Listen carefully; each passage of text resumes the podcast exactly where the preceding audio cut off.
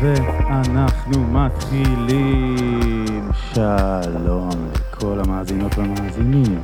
שלום למרינה. שלום לדני. יוצרת חסרת חת, עוצרת חסרת מנוח. אייקון אופנתי ואומנותי, ארנבת מקפצת בחול, אשת חיל ומעש, שלא מפסיקה להוציא דברים אוונגרדיים חדשים לעולם. שלום. וואו. שלום, שלום, שלום. אה, אני שמח להתארח בשבת בצהריים בדירה החמודה שלך, שאני אתאר אותה לכל מי ששומע. אני נכנס, רואה ארנב ענקי ולבן, עוד בובה עם אה, פנים של סוס ועליה גלגל הצלה, ועוד אין ספור דברים של מרינה, אפשר להבין כבר את ה vibe. אז צהריים טובים, איזה כיף. צהריים טובים, כיף ממש. כבר דיברנו איזה שעה לפני, ו... נכון, דיברנו על, דיברנו על מה שאסור לספר. אה, כן, ועכשיו אנחנו עוברים לדברים שמותר. כן, גם, רק לך. עכשיו, אה, דיברנו קודם על זה שחלק מהפק"ל, את אמרת לי, זה איזה מוזר שחלק מהפק"ל של לצאת מהבית הוא עם מסכה. נכון. לפנים. מה הקטע? וואו, איזו תקופה הזויה. כן. אבל מה שיותר משעשע, זה שכשהכול התחיל, אז היו לי 250 מסכות שחורות. מה? בבית. מה, כאלה אני, לפנים? כאלה לפנים, או איזה ממש מסכות? ממש כאלה של הקורונה. וואו. בצבע שחור. כי לפני שנה, במסגרת אחד האירועים שעשיתי כשהזמנתי כיסויי עיניים, כי עשיתי איזה אירוע שכולם קיבלו בו כיסויי עיניים, אז, אה, אז החלטתי ש... זה פשוט קפץ לי כל הזמן, מסכות שחורות. אמרתי, טוב, מתישהו אני אעשה אירוע שבו כל מי שייכנס לאירוע יקבל מסכה שחורה. לא יודעת מה אני אעשה עם זה. נזמין, זה, זה קפץ באלי אקספרס כזה. ו... ומאז לא עשיתי, ופשוט זה שכב. וזה היה מאוד uh, קוסמי, אירוני, ו... ועכשיו לא בא לי לעשות אירוע שבו כל אחד מקבל מסכה שחורה, עכשיו זה לא מגניב לעשות אירוע כזה. אה, אבל אני מוגנת, בצבע שחור. היה לך כאילו, היה לך תקשור, ואת כמעט הוצאת אותו לעולם לפני עוד הקורונה, ובסוף זה... כן. זה היה תקשור. זה היה תקשור, קיבלת את זה פעם, מסכות שחורות. כן. זה, זה, כאילו, פתאום, פתאום נזכרתי בזה. עולם הזוי. עולם הכי הזוי. אנחנו תופסים אותך, נכון, אחרי הופעה או פרפורמנס מרגש. נכון. שקרה היום, אתמול ושלשום בערב. נכון. נכון? איך קראו להופעה הזאת? Relationship. Relationship. זה relation, מקף, והמילה שיפ. Mm, מדובר בכבשים, רואות. לא, שיפ uh, ספינה. אה, מדובר בספינות מרח... מדובר במסע סביב uh, uh, עולם uh, מערכות היחסים. אבל מערכות היחסים ביני לבין עצמי, ביני לבין אנשים, אה, בין אה, חומרים, אה, ברמה של יחסים בין סביבה, חלל, זאת אומרת, יחסים מהרמה האישית והבין-אישית ועד הרמה הפיזיקלית. וואו, מה קרה שם? על האירוע? אני אשמח לדעת מה קרה שם. אז אני, אני אולי אתן רגע רקע כזה ל... מה, מה זה היה, למה, למה, למה זה קרה. איך הגענו לשם? כן, כזה. אז יש לי חבר שותף שקוראים לו הדר כהן, ועם הדר אנחנו יוצרים uh, כזה שלוש פעמים בשנה, הזיות, הזיות כאלה ואחרות אומנותיות. לא משתמש. Uh, דברים, ש, דברים שלנו בא לעשות, ואין אף אחד שיכול לצנזר אותנו, ואנחנו מזמינים אליהם בצורה... סודית יותר או פחות, את ה-300 אה, מוזמנים, חברים שלנו, ש... שאוהבים כנראה את השפה של מה שאנחנו עושים. אה, לרוב הדברים האלה משולבים במסיבה. אה, זאת אומרת, לרוב בשלוש שעשינו קודם, והפעם נפגשנו ככה בעת הקורונה, וישבנו וחפרנו ו- ודיסקסנו על האבדה והחיים ומה כל אחד עובר. אה, כל אחד מאיתנו חי ב-state of mind אחר, גיל אחר, מצב משפחתי אחר. וזו הייתה שיחה מאוד מעניינת. אנחנו אנשים מאוד שונים, אבל גם מאוד דומים. ו... וקודם כל הבנו שממש כיף לנו לדבר. שתיים, הבנו שיש ממש מלא מסיבות פתאום. כולם קטנות, כולם אינטימיות, כולם מתחת לרדאר, אז כאילו פתאום אין לנו שום צורך לעשות אחת כזאת. ו... והבנו פתאום שאנחנו, כאילו שמה שקרה זה שאנחנו מתבוננים פתאום במה ש... פתאום יש לנו מקום להתבונן, פתאום יש לנו מקום לתשומת לב, פתאום יש לנו מקום רגע לעצור. ו... וכשדיברנו על זה, זו שיחה שהגיעה לעומקים יותר גבוהים משיחות אחרות שהיו לכל אחד מאיתנו. והרגשנו ש... אמ, בא לנו לעשות משהו, אבל פתאום זה לא מסיבה, אז בא לנו לעשות משהו שהוא יותר שם את הדגש שלו על האומנות והתרבות, ופתאום אין במות, אה, סגרו את כל הבמות, אז בא לנו לייצר איזושהי במה בלתי אמצעית על אף המצב הזה. ו... ובא, לנו לא... ובא לנו לדבר, בא לנו לחפור, בא לנו לגרום לאנשים לחשוב יותר מלרקוד. כאילו, תרימו בין הרמה להרמה, בואו ננחת רגע ונעצור ונתבונן, דווקא אל הדברים הכי פשוטים אה, ש, שיש סביבנו. ו... ומה קרה שם בקצת... אה, זהו, זה בעצם היה ריליישנשיפ, uh, זה היה מסע uh, אל הדברים הכי טריוויאליים של החיי יומיום שלנו. היו שם עשרה אמנים, שחקני תיאטרון, רקדנים ואמני פרפורמנס ארט. אה, אנשים הוזמנו בסבבים של 50 אה, אנשים. עשינו בכל ערב בעצם אה, שלושה סבבים, בכל סבב יכלו להיכנס 50 אנשים. זה היה בבית פרטי, בצפון תל אביב. ו... ובכל פעם אנשים עברו מסע דרך שבע מתוך עשר תחנות. זאת אומרת, חילקנו אותם לקבוצות באופן אקראי, נתנו להם בעצם להתחלק באופן עצמאי. אה, המלצנו להם להתחלק לא עם הבני זוג שהם הגיעו איתם, כדי ככה להיות אה, ממוקדים בחוויה ולא בשיחות תוך כדי. אה, זה היה מסע של שעה וחצי, mm. שעבר דרך אוויר ומים ואש והאלמנט החמישי, אה, ואהבה ומריבה וחלל וכו'. מדובר יותר על פרפורמנס או על יותר אה, זה היה, משהו זה, אינטראקטיבי בין הקהל ה... זה, זה היה משהו על הגבול של בין לבין לבין, וזה בעיקר היה מפגשים מאוד אינטימיים, מאוד בל, בלתי אמצעיים עם שחקנים ועם רקדנים ועם אמני פרפורמנס ארט, אה, ו, ו, ואחת שבאה ממוזיקה. ו, וזה היה מאוד מיוחד, כי...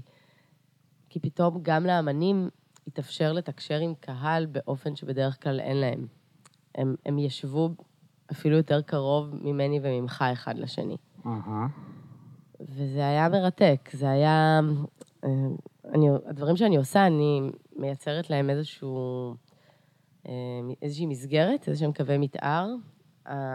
החזרה במרכאות היא הרבה שיחות. אנחנו נפגשים, אני נפגשת עם אמנים, ואנחנו פשוט מדברים המון אה, על כל מיני אופציות ומערכות של חוקים אה, ליצור לפעולה אומנותית מסוימת. זאת אומרת, ההבדל בין פרפורמנס ארט כגישה לבין אה, תיאטרון או מחול רפרטוארי כגישה, זה העניין של פה יש לך משהו סופר בנוי, סופר ידוע מראש, מדויק, ובהיבט של הפרפורמנס, אז יש לך איזושהי מערכת חוקים, אבל הדבר עצמו קורה במפגש האמיתי עם הקהל.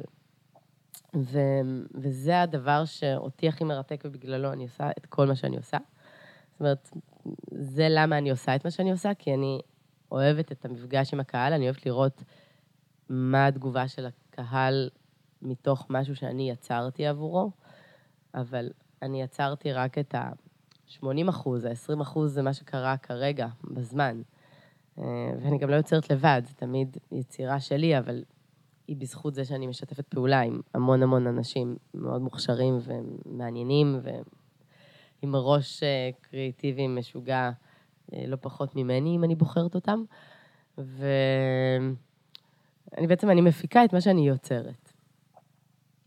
אני יכול להגיד שהגעתי לעבודה שלך פעם בקן הקוקייה, אז אני גם אמרתי לך על זה, והייתה שם אישה קטנה וג'ינג'ית ערומה שהיה חשוך לגמרי, הספוט רק עליה, לא ברור אם היא אישה, ילדה, מה היא בכלל, והיא צועקת ומכה את עצמה, וכולם מסביב, אף אחד לא מבין מה בדיוק קורה, מה אמור לקרות, אבל אתה, אתה מקבל זרם של אה, פליאה, אנרגיה, ולנסות להבין מה קורה, עבודה מאוד חזקה, אז אני רוצה כאילו להסביר מה בערך הסוג מה עבודות. קורה שם? אז אני כאילו. אספר לך נגיד מה היה אתמול.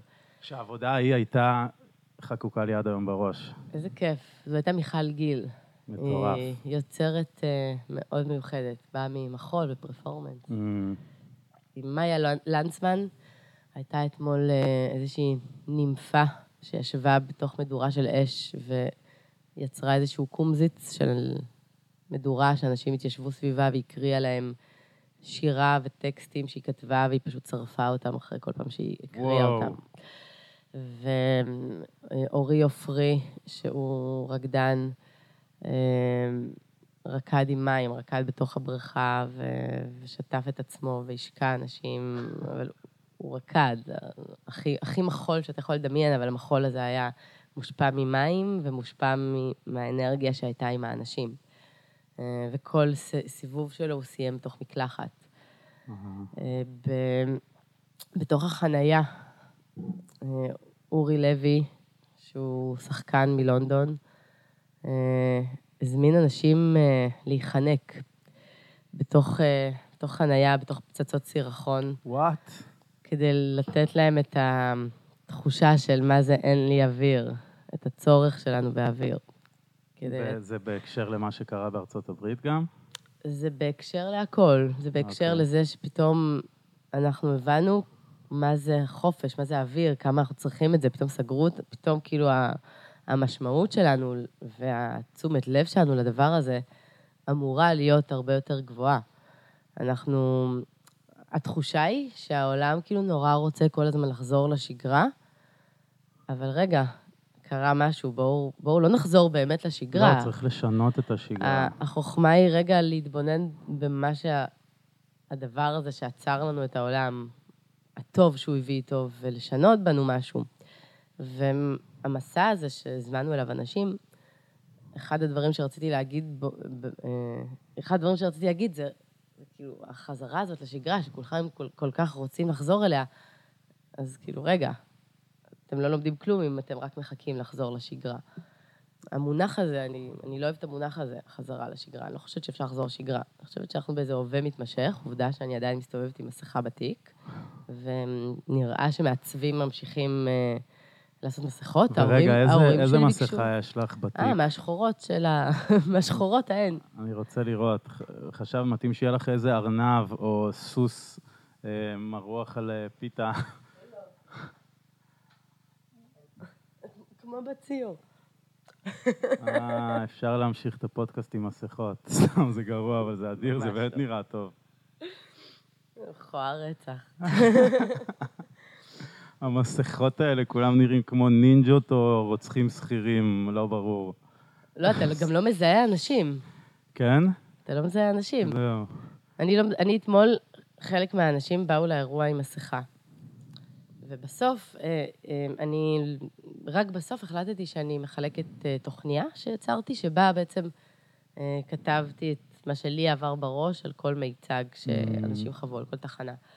אה, כי רציתי שקודם כל הם יחוו לבד, בלי שאני שותלת להם רעיונות לראש, ואז שכן יבינו מה, מה לי עבר כדי לעשות איזשהו חיבור. אז עמדתי בסוף ב- ביציאה וחילקתי את זה, ואנשים שהיו עם מסכות, כמעט את כולם לא זיהיתי. כי... כי גם אם הם כבר שמו מסכה, אז הם שמו מסכה, הם כאילו השקיעו בלשים אותה מדויק. כזה שאתה רואה רק עיניים. אולי זה נתן גם חלק מהקסם לכל המצב הזה, המסכה הזאת. זה פתאום פשוט לא נראה מוזר, אתה כאילו מסתכל על זה, וזה נורא רגיל שאנשים באו עם מסכה. וואו. אתה לא מופתע מזה. כן. כן, לפני ארבעה חודשים, אם כזה היית מגיעה למקום, כולם עם מסכות, היית אומרת, what the fuck, מה קורה פה? מה זה, מה זה? והיום כן. כולם מסכות, כפפות. אבל זהו, אני, אני פחות חשתי את זה, כי, אתה? כי, זהו. אני, כי אצלנו בדן, אז אולי אתה צריך להיכנס לאיזה חנות, תשים מסכה, אבל ב, באזור שאתה מסתובב ואין את זה, אז uh, כמעט לא, לא היה את זה באמת. אני לא הרגשתי את הלחץ הזה ואת המסכה הזאת, אבל פתאום כשאנחנו מדברים על מסכה, אז אני חושב שכל עבודה, תכלס שעושים, אומנותית, היא גם קשורה קצת למסכות של האדם, לא תמיד uh, יש התעסקות ב... אה, מי אתה באמת, מול מי אתה, מול האייקון שלך, או מול, אה, או מול העולם. עכשיו אני דיברתי עם חבר שלשום, ודיברנו על מראות, כמו יש פה ספר שאת המלצת לי, המראה. של מי זה? ניתן לזה גם המלצה? אדם מרקס, אדם מרקס. אוקיי, זה ספר אה, מצחיק מאוד, משעשע. מאוד. אה, ואז אמרנו שאנחנו מראה של כל דבר, נכון? כל דבר שאנחנו פוגשים הוא מראה שלנו באיזשהו מקום. מהמם. ועכשיו כל המצב הזה של העולם, שאתה חושב על זה זיהום ואלימות וקורונה וכל מה שקורה, אז זה מראה של כל אחד מאיתנו, תכלס. אנחנו לא באמת אכפת לנו מהאחר יותר מדי, כל אחד כזה יותר מדי עסוק בעצמו וכולם כאלה. אה, כמו ביבי, בתכלס, זה טל אמר לי את זה. כאילו כולנו קצת ביבי, בגלל זה ביבי בשלטון עכשיו, כולנו מאפנים ועושים את ה... אני מרגישה ש... את אני- המשא ומתן הזה על המציאות. לא יודעת, אני פשוט מרגישה שאני מתוסכלת מהמדינה כמדינה. מאוד כיף לי במדינת תל אביב. אני בוחרת להיות בתוך בועה. אה, אני קוראת את אה, מדורי התרבות. אה, שזה אין בשום. מקום אחר בארץ, מה שקורה פה בתל אביב. לא, ואני פשוט מרגישה, אתה יודע, זו חברה אמרה לי לא מזמן משפט שממש אה, אהבתי אותו ואני לוקחת אותו איתי. דיברנו על הפגנות וכזה, כי הלך, הלכתי לכמה מההפגנות שהיו, בעיקר האלה שהיו, אחת של עצמאים וכמה שהיו של, אה, מה התחושה שם, איך התרבות. האווירה שם? אז אה, אווירה קשה. אוו, אווירה לא פשוטה, כי, כי אני חלק מהקהילה הזאת שהכל נעצר לה. אה, אני חלק מהקהילה הזאת של, הגדולה של עצמאים, שאנחנו כאילו הכי נותנים הכל, ומקבלים אפס בזמן, בזמן אמת. ו... וזה שבכלל עצרו לנו את התרבות, אבל פותחים איקאה, כל מיני כאלה דברים מופרכים שקורים, הם פשוט לא הגיוניים. אבל הרגשתי שכשאני הולכת לכיכר, הלכתי איזה ארבע פעמים כדי להראות uh, תמיכה, אז uh, כאילו אנחנו מדברים אל המשוכנעים, זאת אומרת, אין אף נציג מהממשלה, נגיד, שנמצא שם, שאליו אפשר לדבר. אז, אז אנשים עם הרבה מאוד קושי וכאב מדברים, לעצמם בעיקר. לעצמם. אז כאילו, אוקיי. ואז חברה, ובגלל זה אמרתי לחברה שכאילו אני מרגישה שהם, כאילו אני לא, זה לא יעיל הדבר הזה. ואני לא יודעת מה אנחנו יכולים לעשות, אבל לא ככה. ואז היא אמרה לי, תשמעי, הפמיניסטית הכי גדולה היא לא זאת שהולכת ומורידה חולצות בכיכר, היא זאת שהולכת ונהיית מנכ"לית בנק. ואת בעשייה, פשוט תמשיכי להיות בעשייה התרבותית שלך, את עושה דברים. ו... וכאילו ככה היא הרגיעה אותי, כאילו, ב... בזה יופי של שזאת מסר. זאת ההפגנה שלך. וזה היה משפט מדהים, כי, כי זה נכון, תהיי מנכ"לית של אפשר בנק. להגיד אותו שוב? כן, כן, כן, הפמיניסטית הכי גדולה, כן. זו מי ש... אה, זה לא מי שהולכת ומפגינה בכיכר עם אה, ציצי בחוץ, זאת זאת שהולכת ונהיית מנכ"לית של בנק. נכון. ואמרה את זה שולה לשם, שלומית לשם, חברתנו. היקרה. ממש. כן.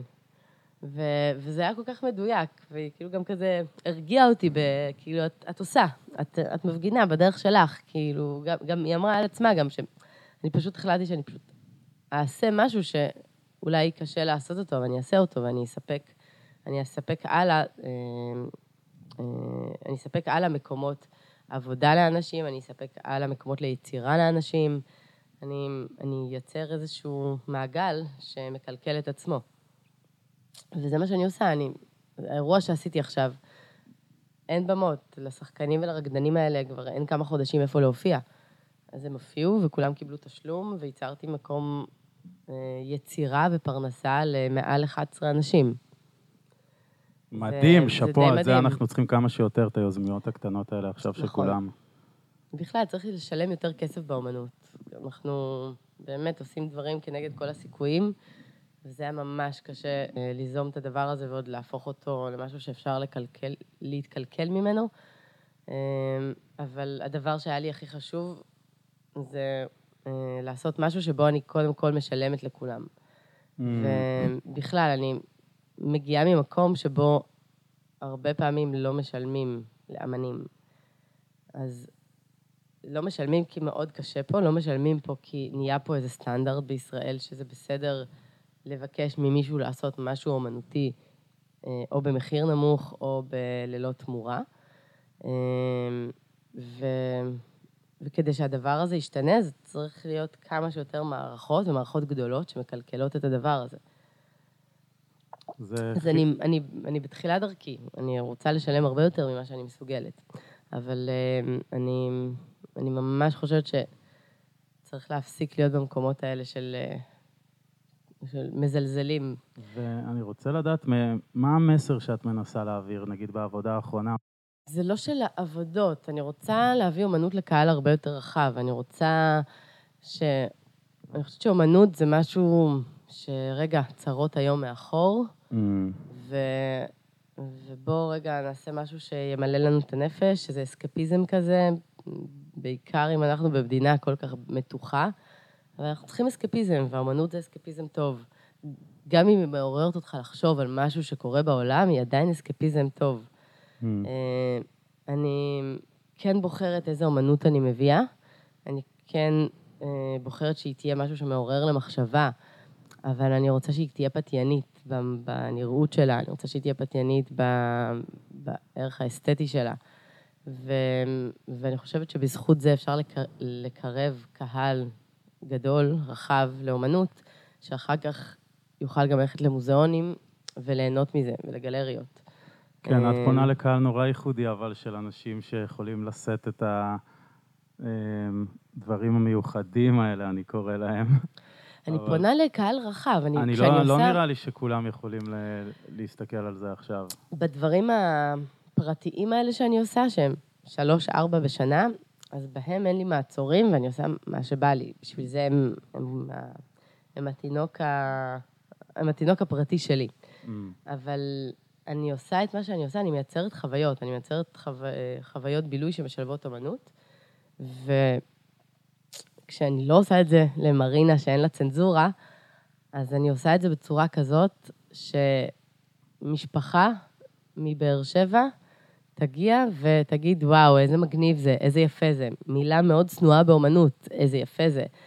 אבל אני ממש סבבה אם הצלחתי להביא משפחה שלמה מבאר שבע שתגיד, שתצפה באומנות. וזה קורה? כן, זה קורה. ו- וזה מדהים, וזה מיוחד, וזה מרגש.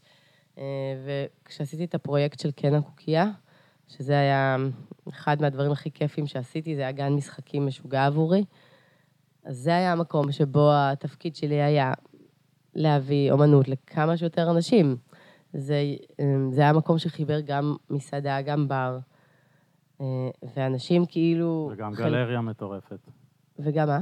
גלריה וחנות אה, כן, עתיקות. כן, זה, זה, זה היה, בעצם הפעלתי מקום של אומנות ותרבות בתוך מתחם שיש בו בר ומסעדה. והמפגש הזה עם כל סוגי האנשים, עם כמות גדולה של אנשים, אה, שמצליחים פתאום להתלהב מאומנות, זה היה, זה היה אחד הדברים היותר מרגשים. ואני לא אשכח שהיה ערב שעשיתי עם אמן שקוראים לו שחר מרקס, שחר מרקוס, סליחה, אדם מרקס, כן, עם שחר מרקוס, הוא אמן אה, וידאו והוא אמן פרפורמנס, ועשינו ערב עם עמותת Outset, אה, שהוא הציג את הוידאו הארטים שלו. מה זה עמותת Outset? עמותה שתומכת באמנים. אוי, שאפו. כן, ממש. שאפו. בשעה היותר מאוחרת של הערב, והערב של שחר אמור היה להסתיים, והגיעו לעשות איזשהו אירוע אה, משפחתי שם, איזשהו שולחנות מוזמנים. משפחה כזה ממוצעת, רגילה, אה, שכנראה לא חווה הרבה מוזיאונים או גלריות, אומרת, נראה לי שזה לא הבילוי המועדף שלהם, פשוט לא, לא, לא בצורה רעה, לא, ברור שזה. שלא בצורה רעה, גם ו... המשפחה שלי לא הולכת בדיוק אה, פעם בשבוע למוזיאון, הכל בסדר. אז, אז אני, אני רוצה לגרום לאנשים יותר להיחשף לזה, אבל פשוט, אני רגע סוטה מהנושא, אני מרגישה שעולם האומנות הממוסד, מצפה יותר מדי מאנשים שלא למדו את שפת האומנות, לדעת את שפת האומנות. ו... וזה פחות מעניין אותם. אבל זה כאילו, אני מסכים איתך. ההתנשאות הזאת היא כאילו לא הגיונית. כאילו, אם אתה אה, לא יודע צרפתית, לא יביאו לך לקרוא ספר בצרפתית, יתרגמו לך אותו לעברית. כן, לכן... למה ב- באומנות מצפים ממך ומתנשאים מעליך אם אתה לא... כי אם לא למדת את שפת האומנות ואתה לא יודע מה, מה, מה, מה זה מס... איך תבין את העבודה. אה, אז בגלל זה אני חושבת שבאומנות יש עבודות שאתה ממש חייב להכיר את שפת האומנות בשביל להבין אותן, ויש עבודות שאני קוראת להן עבודות חוצות, אה, חוצות, שאתה לא חייב להבין אותן, אבל הן יעוררו בך משהו, אה, גם אם אתה לא מבין שפת האומנות. ופה זה, זה המקומות שאותי תופסים, וזה מה שאני רוצה, לבחור את העבודות האלו ולהביא אותן לאנשים, וגם לעשות את זה בדרכים חדשות, בחיבורים המולטי-דיסציפלינריים בין, בין משהו שהוא לפעמים יכול להיתפס כבידור במרכאות, אבל, אבל יש מסר מאחורי הדבר הזה, כי מה לעשות, קצת אה, משהו שיוצא מה, מה, מהקווים, אה, אה, משהו שקצת בור- בורח מהקווים הממוסדים ו- ו- וקצת מקליל את הסיפור. אני מרגיש שהאומנות יכול, רחוב טובה בזה. אה, אומנות רחוב מסוימת. כל מיני, פתאום בנקסי לוקח את הטלפון, שובר אה, אותו, שם כזה. אותו באמצע כן, הרחוב. כן, או- כן. יש פה את החבר'ה נכון. הישראלים, יש כל מיני אה, דיוס, Fingers. דיוס וכל האלה. כן, כל החבר'ה של ה Broken Fingers עושים עבודות פסיכיות לאללה. נכון. וזה- זה כן מצליח לדלג על המין מרווח הזה שיש בין עולם מהמם. האומנות לקהל הרחב, אני מרגיש. פה למטה, אני, אני גרה בסמטת המסור בפלורנטין. כל יום שישי. כן, וואי, זה- שם מלחיץ לרחוב. אה, זה השרידים האחרונים של אה, בעלי המלאכה פה, בדרום תל אביב. זהו. עוד ארבע שנים כבר ראיתי את התוכניות בנייה של כל המגדלים. ש- פה על הבית הזה, כן, ראיתי את כל התוכנית. כל זה הופך. להיות בניין. בנייני. אה, בנייני מגדלים. תעשי פה תערוכת הריסה. אני, יש לי איזה vision. התחלתי פה לדבר, יש פה המון נגרים, התחלתי כבר לדבר איתם פה, להתחיל לתעד אותם, ל... לעשות עליהם סרט. Mm, כי זה, כי זה השרידים האחרונים, זה נראה לי כאילו כמו משהו ש... טוב, את- לא נמשיך לדבר על את זה. יודעת שהייתי ב... עשיתי פעם קליפ לאחד מהקטעי טכנו שלי, והסתובבתי פה באחת הסמטאות למטה, אולי אפילו זאת ממש, שכל הקירות הם רק מיליון גרפיטי אחד על השני. זהו, אז יש פה מלא סיורי גרפיטי. זהו, אז עשיתי, עשיתי עם המצלמה שלי בפלאפון איזה, איזה ארבע דקות של one shot הולך בין הגרפיטי, ועל זה הדבקתי תמונות, זה יצא מטורף. אתה רואה פה, אני ראיתי את זה, הראת לי. כן, אתה רואה פה גלגולי עבודות, גרפיטים ותיוגים משוגעים. נכון, גם עולים נורא אחד על צבעוני, השני. נורא צבעוני. נכון. כן, פה משחק, העומס משחק תפקיד טוב ויפה. רגע, אני אחזור לסוף סיפור הקודם. מהמם. אז הגיעה המשפחה הזאת, ושחר בדיוק מציג כזה את הוידאו האחרון, אז, והם התעצבנו, כי לא סיימנו כאילו בזמן, או לא בזמן שהם חשבו, וממש התחילו, הם התיישבו והתחילו כזה להסתלבט אה, על מה שהם רואים, אבל הם ישבו שם איזה רבע שעה, ו... ואז הוא הראה עוד איזה עבודה או משהו.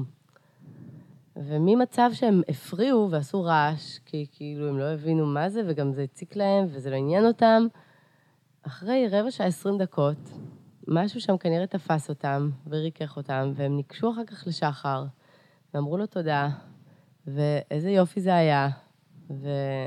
וזה היה מדהים, הרגע הזה. כן, זה נשמע זה היה. וואו, זה היה... אני, אני הסתכלתי על זה מהצד, ואמרתי, וואו, בשביל זה היה שווה הערב הזה. וואו. מה, אני לא יודעת אפילו אם שחר זוכר את הרגע הזה? מעניין, אני זה הולך איתי הרגע הזה ממש. כן, זה רגע הזה של אה, אם אני לא טועה? לפתוח בן אדם לעולם חדש, נכון. שהם לא ראו לפני. אם אני לא טועה, זה היה עבודת וידאו שהוא שוכב אה, בתוך אה, בריכה של מיץ תפוזים ומלא תפוזים, ושר את השיר אה, מעולה. תפוז, תפוז זהב, משהו כזה של התרנגולים. יש, יש איזה שיר עם תפוזים, אוקיי, אני לא בקיא, אני אבדוק. אה, משהו זהב. אה, אני לא טובה בלשיר, אבל הכל זהב, משהו כזה. יושב. בתוך המיץ תפוזים כן, עירום. כן, כן. מדהים. איזה כיף. זה בתוך שדה. וזה אני מאוד אוהב עבודות שאני בכלל לא מבין כלום. עבודות שאני לא מבין כלום, אבל זה בדיוק כמו שאת אמרת, שזה פתייני מאוד, ואתה רואה כל מיני דברים נורא יפים וקיצוניים לעין, אני אוהב את זה, וגם אם אני לא מבין, אני אוהב את זה. אבל ברגע שאתה כן מבין משהו בעבודה, אתה מתחבר אליה בעוד מובן קונספטואלי, שהוא לא רק המובן של הרגש או של העין. נכון. אבל לפעמים אתה יכול להבין משהו, זה אולי לא יהיה כוונת האמן, אבל זה בסדר. אה, בטוח, בטוח שאתה תבין משהו אחד קשור לעולם שלך, זה כמו שאמרנו קודם על המראות. כל אחד יראה משהו אחר בעבודה, אפילו אם זה בקצת. כאילו, אפילו אם אתה מצייר ריבוע שחור, מישהו עכשיו יבוא ויראה את זה בתערוכה ויחשוב, אוי, העולם הוא כזה מרובע, כולם בתוך הגבולות שלהם, ובכלל מישהו יראה, בואנה, אנחנו כזה ריבוע קטן בתוך היקום האינסופי והלבן, ומישהו אחר כאילו יגיד, וואי, איזה קובייה. אה, אני חייב אה, לשחק קצת קוביות בערב. מלביץ' עשה את הריבוע השחור והריבוע הלבן, וזה הסופרמטיזם. סופרטי... סופ... סופרמיבטיזם. אה, Mm, תסבירי לי מה זה בתור הדיוט. זה, בעצם מצמצם את כל העולם לצורות יסוד, Mm. לדבר הכי בסיסי. ו... אז אני תמיד אוהב, אני אוהב לקשר את זה לתר של אוקאם, שזה עיקרון במתמטיקה, שטוען שהמשוואה, הכי, שהפתרון הכי נכון למשוואה הוא הפתרון הכי קצר ופשוט, אוקיי? כזה. וזה, ממש, מדויק. וזה גם לוקחים את העיקרון הזה למדעים, ואומרים, אה, אם יש לך תיאוריה שיכולה להסביר אה, נושא מסוים, אז התיאוריה הכי נכונה היא זו שמסבירה אותו עם אה, הכי פחות משתנים. סופרמיטיזם, סליחה. סופרמיטיזם. לא הצלחתי להגות את זה פתאום. מה המחשבה הראשונה שהייתה לך על אומנות בתור אה, להתחיל, להתחיל לעשות את זה? אני אספר לך את הסיפור. אולי או, יש שמעת סיפור. אותו. כן, אולי שמעת אותו. לא שמעתי אותו. מאז שאני ילדה, אני באומנות. מ- בתור ילדה בת שלוש שהלכה לחוגים ו- ולא הפסיקה, ו- ועד ללמוד אה, במגמת אומנות. ובמשפחה... ואיפה, איזה עיר גדלת? נולדתי באוקראינה, בקרפטים. קרפטים. מה זה? זה בהרים, זה בגבול של בין הונגריה לאוקראינה. או, אמ, אני לא זוכרת הרבה, זוכרת כאילו רק את הגן שלי, את הבית שלי, את החצר ליד, את החופשה. אצל סבתא שלי ב- ביער. יואו. סבתא שלי ביער, זה כמו אצלך ביער, הייתי הולכת אה, לקטוף פירות יער. וואו. אה, הייתי, הייתה נותנת לי מטבע, לא אשכח את זה, הייתה נותנת לי מטבע, ולפעמים הייתי עם עוד איזה בן דוד או בת דודה, אז שנינו היו מטבעות, והיינו הולכים לאיזה חברה שכנה שלה, והיא הייתה סוחטת לנו פרש גוט מילק. וואו. והיינו שותים כוס חלב עיזים. מה? זה היה הדבר שהכי אהבתי בעולם. איזה כיף זה נשמע כמו זה, זה, היה, זה היה ממש כיף. עולם... וזה די מדהים אחר. שאני זוכרת את זה. כי כאילו הייתי ילדה ממש קטנה, אני עליתי לארץ בגיל שש וחצי. אה, ו... אה, וגדלתי בבאר שבע, או, אה, עיר שאני מאוד אוהבת, ממש מדבר. היה לי כיף לגדול בה. מדבר, אבל אה, בגלל שהיינו בורחות אה, בזמן התיכון, ככה, כל הזדמנות שהייתה לנו לכל מיני מקומות של ים, זיקים, ניצנים, חוף המגדלור באילת, אז הבאנו את הים אלינו, גם לים המלח היינו נוסעות לפעמים. מתבטל שיעור, נוסעים לים, כזה. וטרמפים, איך נוסעים? טרמפים? יואו.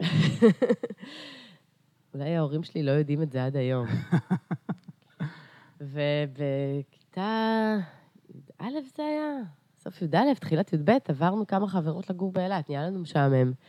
עשינו סיכום עם הבית ספר שאם אנחנו עוברות ציון של 80, אז אנחנו יכולות לבוא רק לעשות מבחנים ולא להיות נוכחות בשיעורים. וואו, מה זה ו- המסחרה הזאת עם הבית ספר? לא יודעת מאיפה היה לנו אומץ לכל מיני דברים. ואיך הם הסכימו בכלל? כי הם לא, לדעתי הם פשוט לא האמינו שנגיע לציון של 80 ומעלה בכל המבחנים. ושלוש מאיתנו עשו את זה. ואז ו- עברתם לאילת? כן, גר, התחלנו מזה שחודש ראשון גרנו ארבע בנות בתוך חדר יחידה. כי עברנו כל אחת כזה עם 300 שקל בכיס. אחרי יומיים כל אחת כבר עבדה באיזה בר. אני עבדתי בגרין ביץ'. עבדתי, הייתי ברמנית בגרין ביץ' המיתולוגי של אילת. בת 17? הייתי בת כאילו? 17, כן. זה היה חוקי בכלל? זה היה חוקי, בטח, כן. איזה מה? עולם, לא ילדה יודעת, בת זה היה 17 יכולה. למכור לאנשים אלכוהול. ו... לא, עבדתי דווקא, אה, אה, הייתי יותר במיצים, שייקים וזה, כאילו, היה Mm. שם, היה שם הפרדה. אבל לא, חברות שלי מכרו אלכוהול, בטח, אחר כך גם, אחר כך מלצרתי ב-unplug, כאילו, כזה, במקומות האיקונים של אילת. ואחרי. חודש עברנו, כל שתיים התפצלנו, עברנו לבית גדול, אבל לאותו חדר עם שותפים. אז אני עברתי עם אחת החברות אה, לשניים שעבד, שעבדתי איתם ב- ב Green Beach, ושתי חברות, אה, אה, איך קראו לחוף ליד? הם עבדו, עבדו בחוף ליד, קצור. ב Village, ב Village. אני עבדתי ב Village, אבל אחרי זה, אחרי, ש... אחרי הצבא חזרתי לגור באילת. סטלבט על המים. גרתי שם שלוש שנים אחרי זה. היה כיף. היה ממש וואו, כיף. אילת, איזה עיר. האמת שזה מתחבר למה שאני עכשיו עושה, מה שאני מתחילה עכשיו, פרויקט מאוד מרגש. כי הסיבה שעזבתי את אילת, זה כי ידעתי שאני רוצה להתפתח בתחומי האומנות והתרבות, אה, וליצור ו- וללמוד משהו שקשור בזה, ופשוט לא היה שם, לא מבחינת עיסוק ולא מבחינת לימודים. וזה היה בשנת 2005-2006. לא, אוקיי. 5, 2004-2005, שעזבתי. עזבת את אילת. כן. או, ו... תל אביבה? לא, נסעתי להודו לכמעט שנה, הודו, סרילנקה, סין, לכמעט שנה. אחר כך חזרתי, גרתי בחיפה שנה, ואחר כך. עברתי לתל אביב עד היום, וכמעט 12 שנים. בתל אביב. יאבא דאבא דו. כן, ממש. ועכשיו, אה, אז איך אילת. גיל- איך גילית את הקטע הזה של האמנות באמת? אוקיי. אה, אה, הלכתי ללמוד, כשחזרתי לתל אביב, זה היה כי רציתי ללמוד, ללמוד פה. החלטתי שאני הולכת ללמוד עיצוב, אמרתי, באמנות אין כסף, אני אלמד עיצוב. ובלימודים הבנתי שכאילו הכל זה אותו שיט, ומה שאתה תעשה מזה, זה הדבר. אתה יכול לעשות כסף ממה שתבחר. זה קשה לעשות כסף מיצירה יותר מהייטק, או מלהיות, אה, לא יודעת, עורך דין, או רופא, או תזונאי, או כל מקצוע יותר מוגדר. אבל בין עיצוב ואומנות, אה, אתה פשוט צריך להיות טוב ועם מספיק תשוקה לדבר שלך, ואתה יכול להצליח. והטריק של העידן שלנו זה שאתה צריך להיות גם יזם. אני נכון. חושבת שיש איזה מאמר אה, מאוד מוכר בתיאוריה של האומנות, שנקרא אמן כיזם.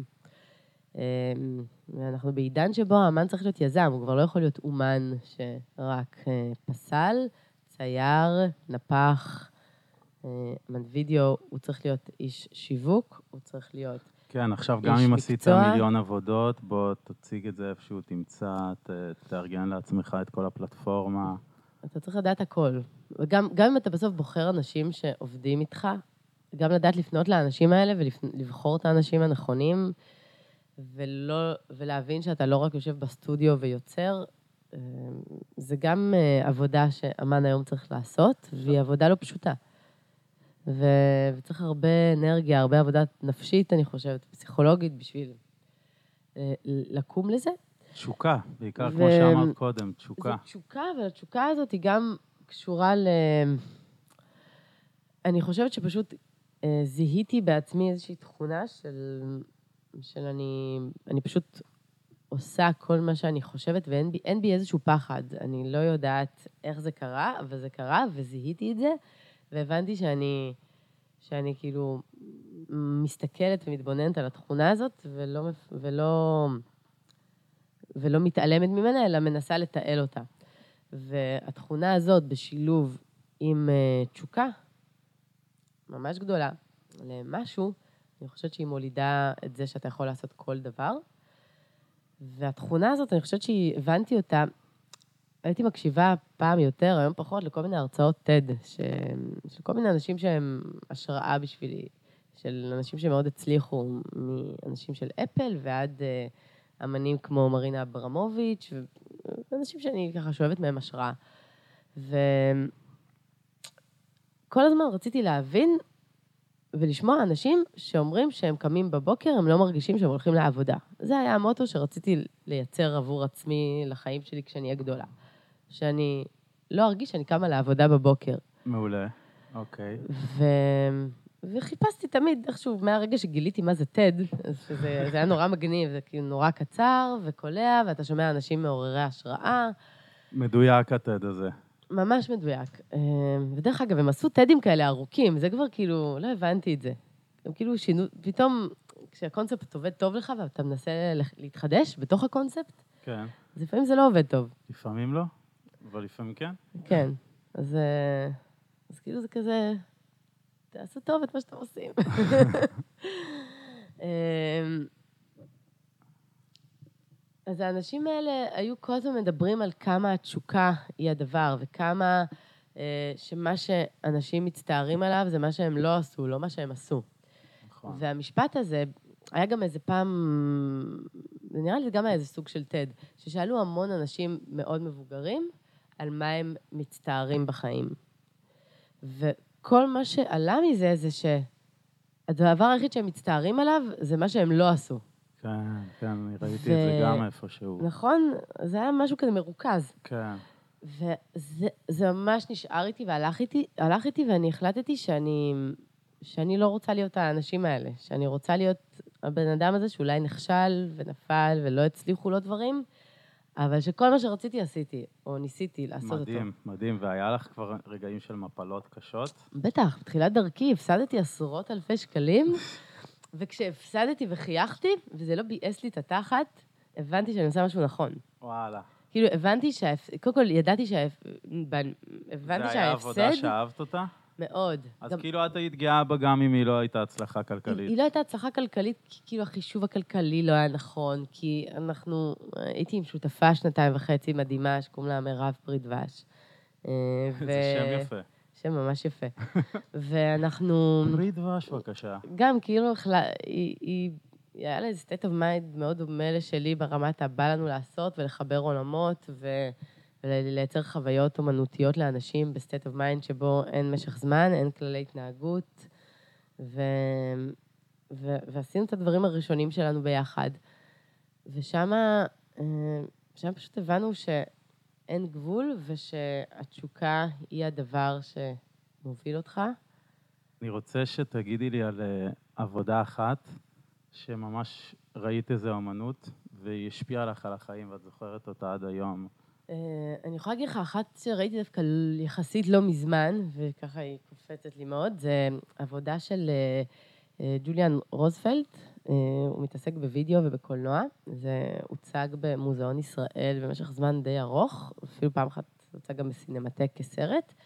אה, זה עשר עבודות, אה, 13 עבודות וידאו של 13 דקות כל אחת, שבכולם קייט בלנשט משחקת. הוא לקח את כל המניפסטים הגדולים, המניפסט הקומוניסטי, המניפסט של הדדאיזם, המניפסט של הפופ-ארט, המניפסט של הפוטוריזם, כל המניפסטים הכי גדולים. הוא, הוא שינה שם את כל הסדר של המילים, בעצם יצר מניפסט חדש מאותם מילים, אוקיי. והוא יצר וידאו ארט, שהוא מעין סרט קצר של 13 דקות לכל מניפסט כזה, שבעצם המלל הוא המלל החדש, זאת אומרת, זה המלל היחיד שנאמר, ובכולם משחקת קייט בלנשט, והיא, פעם היא הומלס, ופעם היא בעלים של חברה, ופעם היא רוקסטארית אה, ג'אנקית אה, של אלכוהול וסמים. אה, זאת אומרת, היא 13 דמויות שונות. זה מוקרן באולם ענק, שאתה נכנס ואתה רואה בעצם את כל המסכים ביחד. אה, ואתה צריך לבחור להתרכז? לא, אתה, ו, והטכנולוגיה וה, והאופן שבו הסאונד זה בנו, כל מה ש... איך שהם סידרו ברמה הטכנית, כאילו זה פונומנלי, אתה עומד מול העבודה, ואתה איכשהו שומע רק את הסאונד של העבודה, זאת אומרת, אתה מצליח כאילו לשמוע רק את הסאונד, אבל משהו מהדהד, ויש איזשהו משפט, שהוא אותו משפט שחוזר בכל המניפסטים, ובאופן מסונכרן על השנייה, היא, היא עומדת מול המצלמה ב-13 דמויות שונות, כאילו זום אין על הפרצוף שלה, ב-13 דמויות ממש שונות, אתה לא מזהה אותה לפעמים, ומד... כאילו, ואומרת את אותו משפט, והוא קשור כל הזמן לנרטיב אחר לגמרי.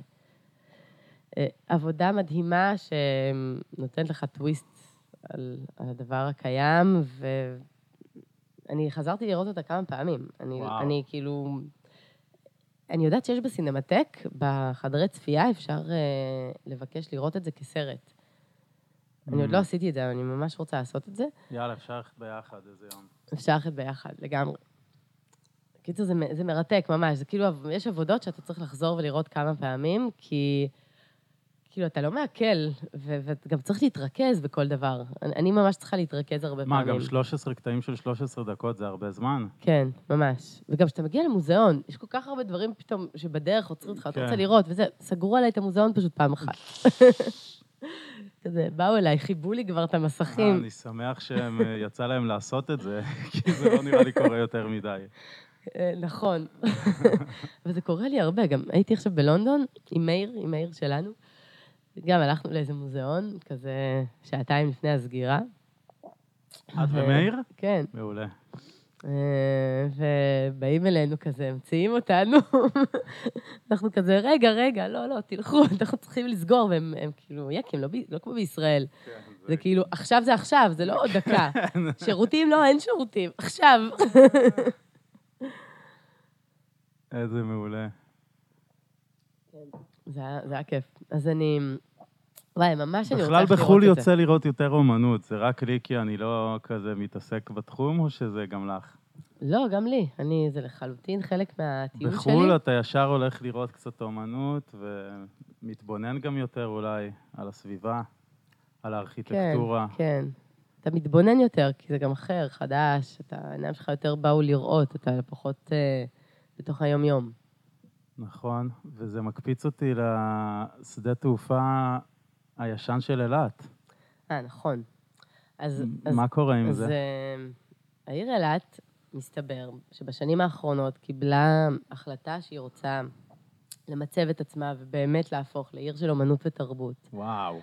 וכבר כאילו לפני... אה, נראה רחוק מהם שנות אור, אבל יאללה, אנחנו בעד. תראה, זה אילת, נותנים לך אה, מפה קריאות? עידוד, אילת. נכון. קדימה. זה דבר די הגיוני, היא עיר נופש, עיר תיירות, ואחד הדברים שעושים בתיירות זה אומנות. זה אומנות, זה לחוות אומנות. לגמרי. אז זה מהלך די מתבקש, וכאילו נורא שימח אותי לשמוע את זה. ובזכות הפרויקט החדש הזה הסתבר לי שכבר חמש שנים הקימו שם ופועל שם תיאטרון שנקרא תיאטרון אלעד. זה יוצרים שהגיעו מתיאטראות רפרטואריים ופרינג'ים הכי טובים אה, בארץ, וממש העבירו את החיים שלהם לאילת, לאילת, לקיבוץ אילות. עכשיו הם חבורה שגרים באילת. הם גרים בקיבוץ אילות. ש- ואיפה הם והם מופיעים? מופיעים באילת, הם מופיעים ב- ב- בערבה, הם עושים הצגות במדבר פתאום, הם עושים גדול. הצגות מיוחדות ממש, חווייתיות מאוד. וואו, איזה כיף. הם, זאת אומרת, המסגרות חוקים שלהם נעות לפי מה שהם מגדירים. הם מצליחים להביא תרבות אה, לקהל האילתי ולקהל מבחוץ, והם בעצם, ה... נראה לי, לפחות ככה, לי נראה שהם הסנונית הראשונה שפתחה פתחה ופותחת שם את כל הצוהר הזה של תרבות. והפרויקט החדש הזה הוא פרויקט גם של עירי, עיריית אילת וגם של אה, משרד התיירות. קצת חם שם. חם שם מאוד, קצת חם. אבל בפנים יש מזגן. יש מזגנים, המזגנים עובדים נהדר. המזגנים באילת הם אה, חזקים עוד מה-80's. כן, כן. עוד שלאף בית בארץ לא היה מזגן, באילת הם כבר היו מסודרים נראה לי. כמו שאתה מגיע לאירופה ויש לך חימום כזה ממש טוב, כן, בכל כן, מקום. כן, אצלנו כן. זה המזגן. בוונציה, דרך אגב, ששם ממש חם, המיזוג לא עובד ממש טוב. הם מסתמכים על המים. יודע, הכל יעבור במים. יש מצב. רגע, וקורה משהו אבל... אה, כן, אה, רגע, אז אני, אגיד את... אני שנייה, אני חייבת לתת את הקרדיט לכל מי תני- שעושה את הפרויקט הזה. תני לכולם. אה. אז, יש אה, פרויקט שנקרא One Voice, אה, שהתחיל בקורונה, שהוא בעצם פרויקט שרוצה להביא אומנות ותרבות דרך הפלטפורמות של האונליין, והוא קורה בכל מיני מקומות בעולם, ולישראל הוא הגיע ופנה בעצם ל... הגיע לאילת. זאת אומרת, לעשות אותו בישראל דרך אילת. אה, ו... ואז חברו לזה עיריית אילת, משרד התיירות, ארגון אור ותיאטרון אלעד. והמקום שנבחר ש... שזה יקרה בו, זאת אומרת, בקורונה זה ממש היה רק אונליין, אבל עכשיו המטרה היא שזה יהיה offline ו online.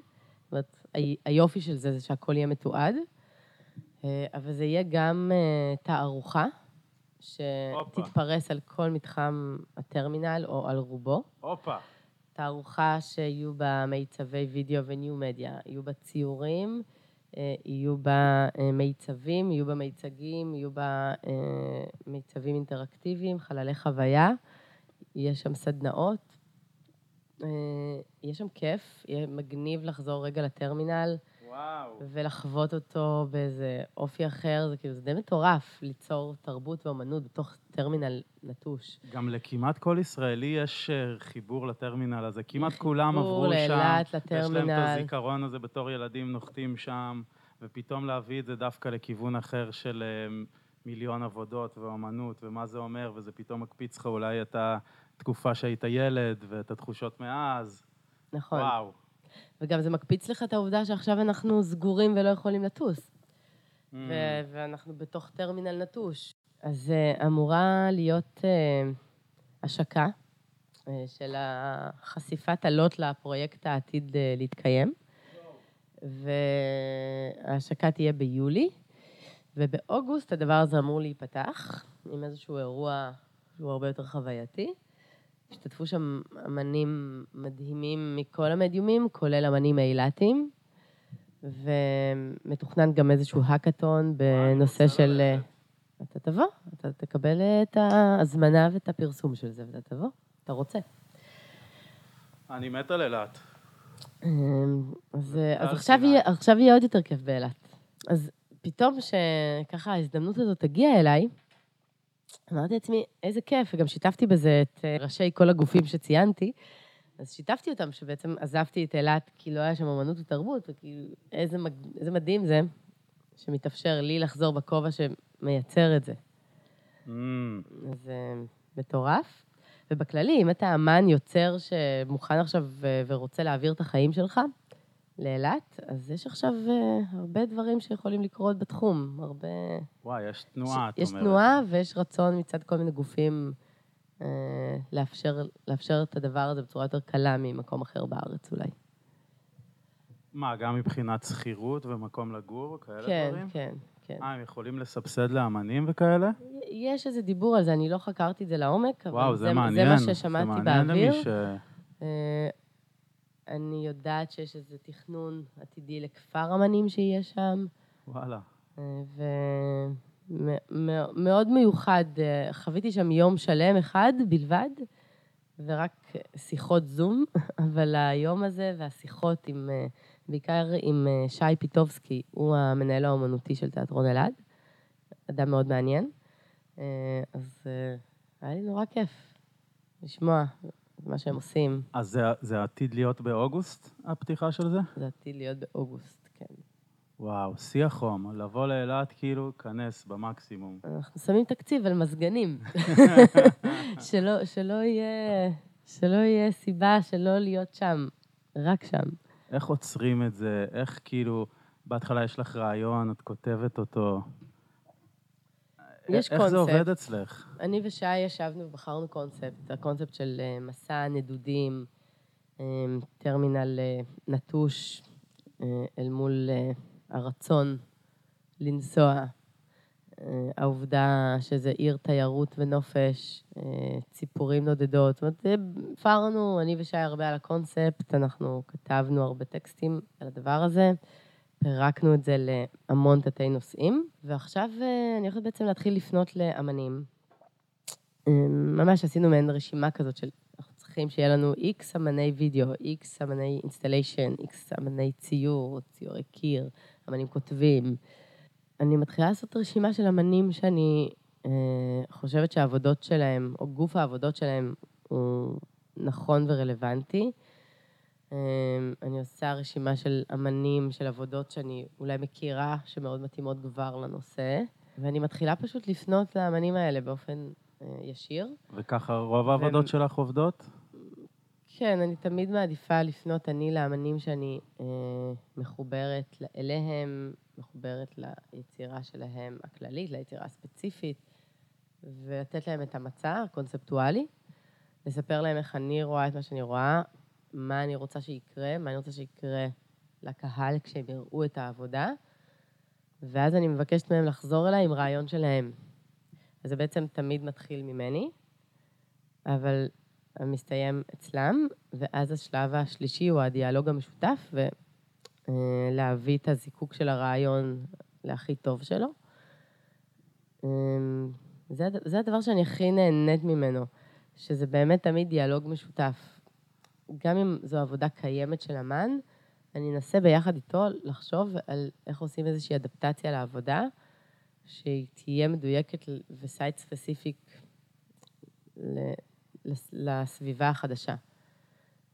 כי זה בסדר להציג עבודה קיימת טובה, מתאימה, אבל גם מעניין תמיד לבחון איך היא נכונה יותר ומה אפשר לעשות בה, להוסיף לה, להוריד ממנה, כדי שהיא תהיה גם מדויקת למשהו החדש שבו היא מוצבת. ומה ה vision שלך לעבודות לעתיד? כאילו, מה, מה הפרויקט המטורף הבא שהיית רוצה לעשות?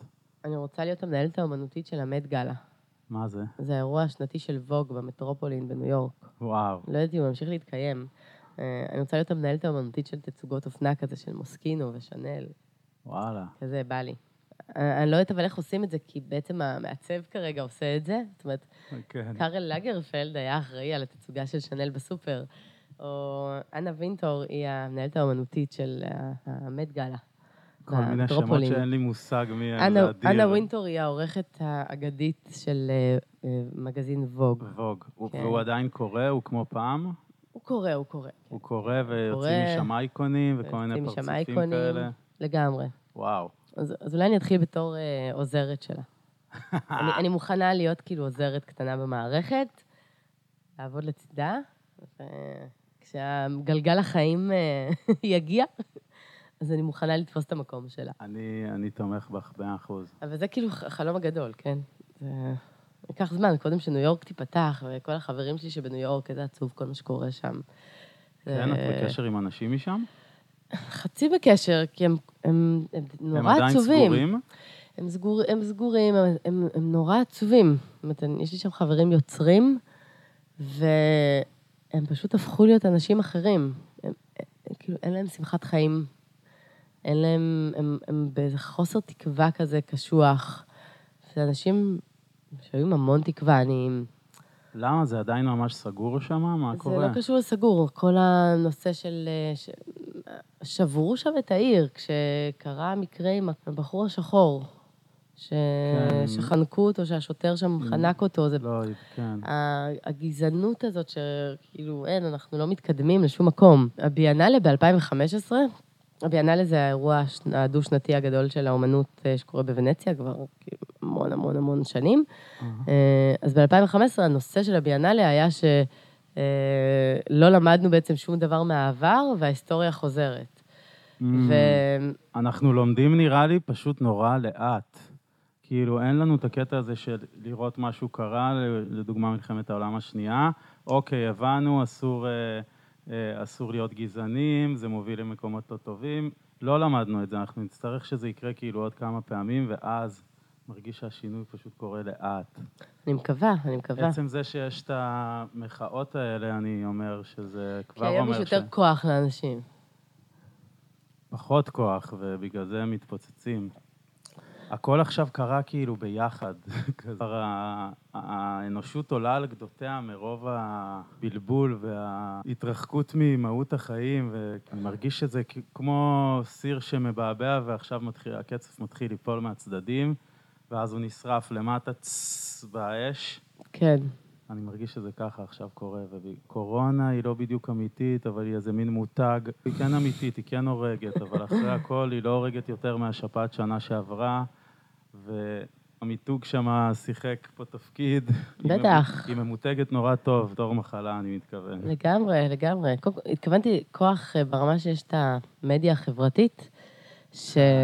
זאת אומרת, זה, זה, זה הכוח שהתכוונתי אליו, אבל אתה יודע, איזה חבר בקורונה פתח לי את העיניים. אה, אני ככה לקחתי את זה בערבון מוגבל. זאת אומרת, אמרתי לעצמי, טוב, אנחנו תמיד צריכים להיות היגייניים. זה לא חדש שצריך לשטוף ידיים, זה לא חדש שדלתות וידיות וכסף זה דבר מטונף. נכון. וואלה, לשטוף ידיים. כן, תודה. אז אני חייבת להגיד שאני באמת יותר מקפידה לשטוף ידיים בזכות זה, אבל זה כאילו, זה פשוט טוב ש... משהו גרם לי לשטוף, נגיד, בצורה מוגברת יותר את הידיים. אנשים מה? הגיעו למצב אובססיבי שהורידו לעצמם את האור וכל מיני דברים הזויים כאלה, שזה מוגזם. אני, אני אגיד לך, צריך לשים את הדגש על פשוט להיות אדם בריא, לאכול טוב, נכון. להתאמן הרבה, להיות בריא כמה שאפשר אה, נפשית גם, חיובי, וכל הדברים האלה, לא מדברים כמעט על מערכת החיסון שלנו, לא מדברים על אה, לך תעשה כושר, נכון, נכון, לגמרי. מדברים איתך על כל מיני תרופות שעוד לא קיימות. אף פעם אף אחד לא מדבר איתנו על כמה אנשים מתים כל יום, אבל מתים אנשים כל יום. ברור. פתאום, הרבה. בקורונה, הם נתנו לנו את זה מספרית, נכון. בצורה שאף פעם בחיים לא נתנו את זה. ואז זה דרך מצוינת לעורר טרור ופחד ושליטה. פתאום אתה כל היום שומע כמה אנשים מתו היום. עכשיו, אם אתה משווה את המספרים, אתה רגע באמת מתעמק, ואתה הולך רגע וקורא כמה אנשים מתו בכללי, לפני שנה, לפני שנתיים, אתה מבין שזה אותו סדר גודל של מספרים. אותו דבר, זה אותו דבר, זה תהליך פחות. טבעי. ראיתי שזה אפילו פחות.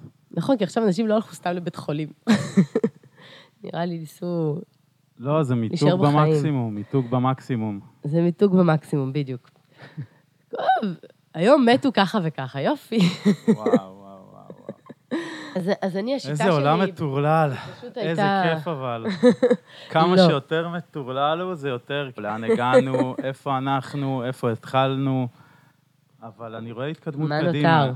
אין, אין, אין, ש... אין כיוון אחר, אתה רק מתקדם קדימה, ממשיך, ההווה קורה, עד שהוא יפסיק לקרות, הוא, הוא קורה כל הזמן. ו... הווה מתמשך, אני קוראת לזה. לכן, אה, זהו, אז נותר רק להתקדם, אין מה לעשות.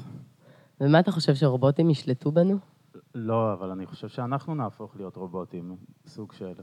אנחנו כבר עוד מעט אה, נעלה לתוך ענן, ראיתי את אה, אילן מאסק מדבר על זה גם אצל ג'ו רוגן, שעוד מעט כבר יהיה צ'יפים במוח. הוא אומר שזה תוך חמש שנים שהצ'יפים האלה כבר ירפאו לאנשים כל מיני אה, בעיות אה, שקורות להם במוח ויחברו להם את הנוירונים. נגיד מישהו, השטח של הראייה שלו הוא לא רואה, אז אתה מכניס לו צ'יפ, טק טק טק, חיבורים, באם, הוא רואה, אוקיי? יואו. כאילו ככה. ואז הוא אומר, השלב הבא של הצ'יפים האלה זה אה, להתחבר לנו לאינטרנט נגיד, ולהעביר לך, במקום לדבר כבר אני אוכל להעביר לך מחשבה. לא נצטרך לדבר. זה מלחיץ אותי. ואז כבר אנחנו נהיה גם מחוברים לאינטרנט ולרשת, ואז את כבר תחשבי שאת עם עצמך מסתובבת במקום להעביר למחשב את השאלות שיש לך אה, לאינטרנט, את כל הזמן מחוברת, טק, טק, טק, טק. כמות המידע שאת יכולה להכניס כל הזמן היא כבר פסיכית לגמרי. אני לא אוהבת את זה. למה? לפי דעתי זה טוב. מל- זה מלחיץ אותי. למה? כי- תמיד יהיה גם את המקום של הפשטות ושל הארץ, אני חושב. לא, אני לא זה, חושב זה שזה מלחיץ אותי, ה over מידע הזה, זה מה שקרה לי בקורונה. פתאום נהיו Mm. מלא מלא תכנים מעניינים באונליין, כן. של אה, נגיד תרבות ואומנות במקרה שלי. אפילו התנדבתי לרגע מאוד מאוד קצר בלהיות חלק מקבוצה שמייצרת את המאגר הזה, אבל אני תוך שבוע פשוט הלכתי לאיבוד, כי, כי באמת היו מלא דברים טובים, הלכתי לאיבוד, ופשוט אמרתי, די, אני לא יכולה עם זה. יש לי עוד כל כך הרבה דברים שאני רוצה לקרוא ביומיום שלי ואני לא מגיעה אליהם, ו- כן. ולצרוך. ועכשיו יש לי עוד מסה כל כך גדולה של חדשים, אני, אני הולכת לאיבוד. פתאום הבנתי את הגדולה ואת הכיף, את הצורך ואת החשיבות של מוסד מוזיאון לא באינטרנט, פיזי, שאני צריכה ללכת אליו. כי כשיש לך ממקד. הכל, הוא ממקד, אתה יכול רגע להתפקס, באמת, כשיש לך הכל מהכל כל הזמן, אני הייתי מוצפת מדי, וזה זה עשה לי פשוט, כאילו, בדיוק את ההפך, זה, זה פרנקנשטיין כזה. מה שאת מתארת זה באמת בדיוק מה שקורה לכל האנשים בעולם, השפע, יש לך הכל, אתה יכול להיות הכל, אתה יכול לקנות עכשיו הכל, באיזה 100 שקל, לא יודע מה. ולכן זה כבר נורא מבלבל לחיות, ואני שואל את השאלה, מה עושים? מפה היא גם נובעת השאלה של הפודקאסט, מה עושים? יש את הכל. באיזה מובן מסוים, כל המציאויות אפשר, אפשריות, רק תבחר. נכון. אז אני שואל אותך, מה עושים, מרינה? מה עושים? עושים אומנות. אני חושבת שאם... אמ, אני, אני, אני עושה אומנות, אני רוצה להביא אותה לכמה שיותר אנשים. רוצה להביא להם את האסקפיזם הזה, שאני יודעת שאני טובה בלייצר אותו. אסקפיזם שהוא מעורר למחשבה, ו, ולהיות אה, זרוע וחוט מקשר ל, לאמנים שמניע את הגלגל הזה של יצירה אומנותית. שהיא כזאת כיפית ומוסיפה לעולם. שהיא גורמת לי, אני קמה בבוקר ואני לא מרגישה שאני הולכת לעבודה. Mm, זה מבחינתי לפני חמש שנים, הבנתי מה אני הולכת לעשות כשאני אהיה גדולה, ואני הרבה פעמים עוד עוצרת, ומשהו קצת משתנה, קצת... הדברים... זה לא הרי להשתנות, ההתפתחות היא לעולם נשארת. ההתפתחות לעולם נשארת, וזה הכיף בזה, אבל אני, אני יוצרת חוויות לאנשים, אני יוצרת להם עולם מקביל בפרק זמן כזה או אחר, שאיזה כיף זה שיש לי את האפשרות הזאת להיות זאת שמביאה לאנשים את החיוך על הפנים. וואו, לגמרי. נראה לי שעם זה נסיים, עם הנוט הזה, שמאוד אהבתי וריגש אותי. אמ, אז מה בעצם הפרויקט הבא שלך שאפשר לראות? זה התערוכה שאמורה להיות באילת, לא? באילת, כן, ויש יש גלריה... תאריך או שעוד לא? אה, כנראה שזה יהיה ברביעי לאוגוסט, אבל אני עוד לא סגורה על זה. אוקיי, אז אה, אני גם יודיע בהמשך. אודיע בפודקאסט מה עושים. ורציתי לשאול מה תודה, המסר, דני, מה המסר. שלך לעולם? מה המסר שלך לעולם, גברת? תהיו מחוברים לתשוקה שלכם, תקשיבו Mm. לתחושות בטן שלכם, תהיו טובים ל- לעצמכם קודם כל, אחר כך לסביבה שלכם. אני חושבת שאם כל אחד יהיה טוב לעצמו ולסביבה שלו, זאת אומרת, יהיה טוב, יהיה עם ערכים, ישמור על הסביבה שלו, אז ככה העולם יהיה טוב יותר. נכון, זה הברירה. זה מתחיל מ... מהפרט. אז תודה רבה, היה ממש תודה, כיף. דני, היה לי ממש כיף. אני מסיים כאן. ערב טוב,